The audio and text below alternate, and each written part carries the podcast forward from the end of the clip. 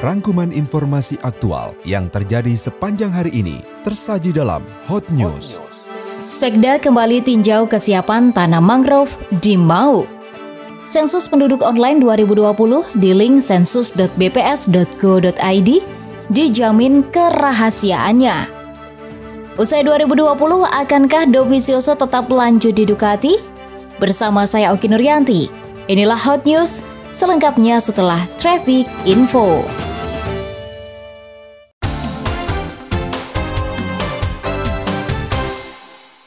Sekretaris Daerah Kabupaten Tangerang Muhammad Maisal Rashid kembali meninjau kesiapan kegiatan tanam pohon mangrove bersama Kabar Hakam Polri Komjen Pol Agus Andrianto di lokasi Desa Wisata Ketapang, Kecamatan Mau. Rencana penanaman pohon mangrove tersebut akan dihadiri langsung oleh Kapolri Idam Aziz, Pangdam Jaya Maijen TNI Eko Margiono, dan Menteri Perikanan dan Kelautan Edi Prabowo yang direncanakan akan hadir pada tanggal 21 Februari 2020. Sekda mengatakan acara tersebut harus benar-benar di dipersiapkan dengan matang agar berjalan dengan lancar dan sukses.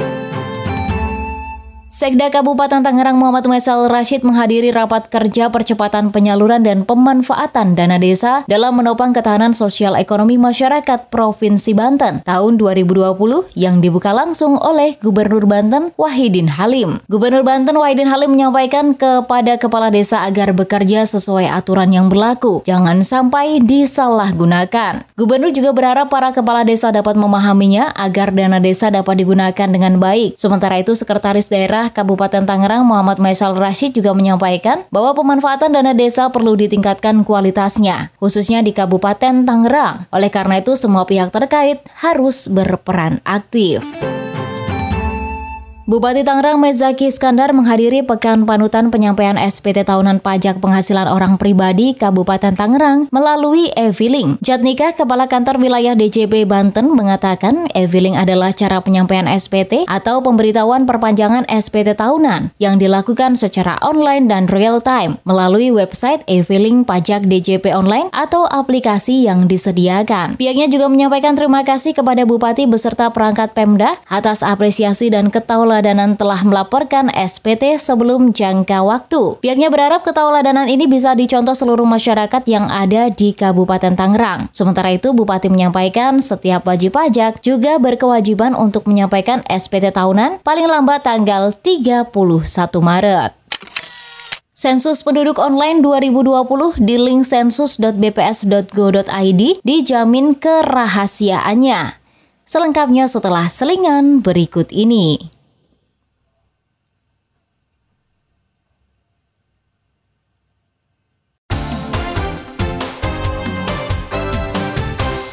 Hadetolan pemerintah Indonesia melalui Badan Pusat Statistik dan Kementerian Dalam Negeri melakukan sensus penduduk secara online. Warga dihimbau melakukan pengisian data pribadi dan keluarga secara mandiri melalui website sensus.bps.go.id. Masyarakat tidak perlu khawatir terhadap informasi yang diberikan karena dijamin kerahasiaannya. Diketahui sensus penduduk online yang dilakukan mandiri ini akan berlangsung hingga 31 Maret 2020 mendatang. Menteri Koordinator Bidang Pembangunan Manusia dan Kebudayaan Muhajir Effendi mengusulkan kepada Menteri Agama Fahrul Razi untuk menerbitkan fatwa perkawinan lintas tingkat perekonomian. Hal ini dilakukan untuk menyiasati masalah kemiskinan baru serta tafsir agama soal pernikahan yang harus dilakukan antara dua orang yang setara atau kufu. Menurutnya jika ada ajaran agama mencari jodoh yang sekufu, otomatis yang miskin mencari yang miskin. Karena sama-sama miskin, lahirlah keluarga miskin baru. Inilah yang menjadi problem di Indonesia. Atas masalah tersebut, pihaknya mengusulkan adanya fatwa perkawinan lintas perekonomian. Berpulangnya suami Bunga Citra Lestari masih menyisakan kesedihan mendalam bagi keluarga yang ditinggalkan. Beberapa penggemar BCL bahkan tak henti memberikan dukungan, doa, dan semangat untuk penyanyi 36 tahun tersebut. Masih dalam suasana duka, ibu satu anak tersebut terpaksa membatalkan sejumlah jadwal kerjanya. Love Fest yang bakal digelar pada 21 hingga 22 Februari mendatang menjadi salah satu event yang terpaksa ditinggalkan BCL. Ketidakhadiran BCL dalam acara tersebut diketahui telah diumumkan oleh pihak Love Fest melalui akun media sosial mereka. Usai 2020, akankah Dovizioso tetap lanjut di Ducati? Berita selengkapnya akan hadir setelah selingan berikut ini.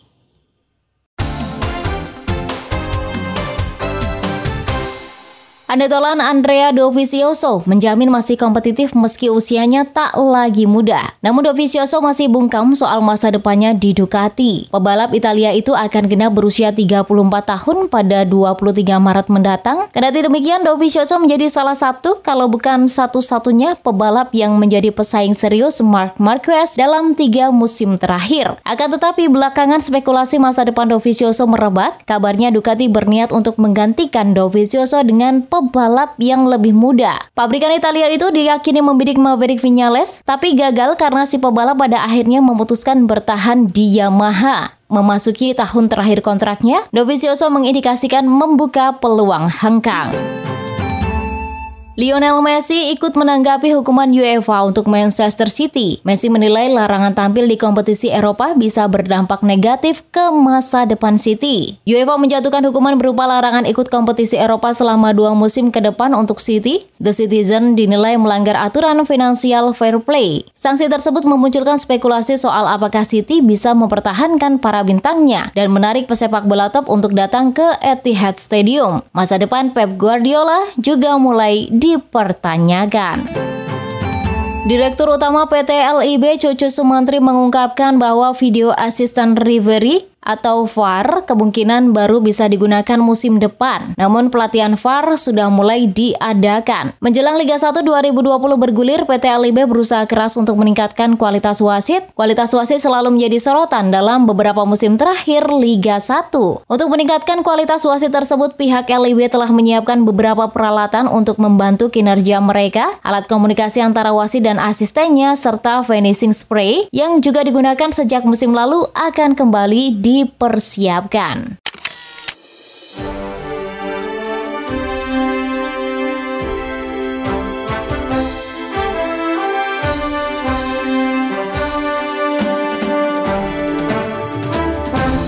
Sekian Hot News edisi Kamis 20 Februari 2020. Kembali ke Andri dan Halida di Hot Horizon Tangerang.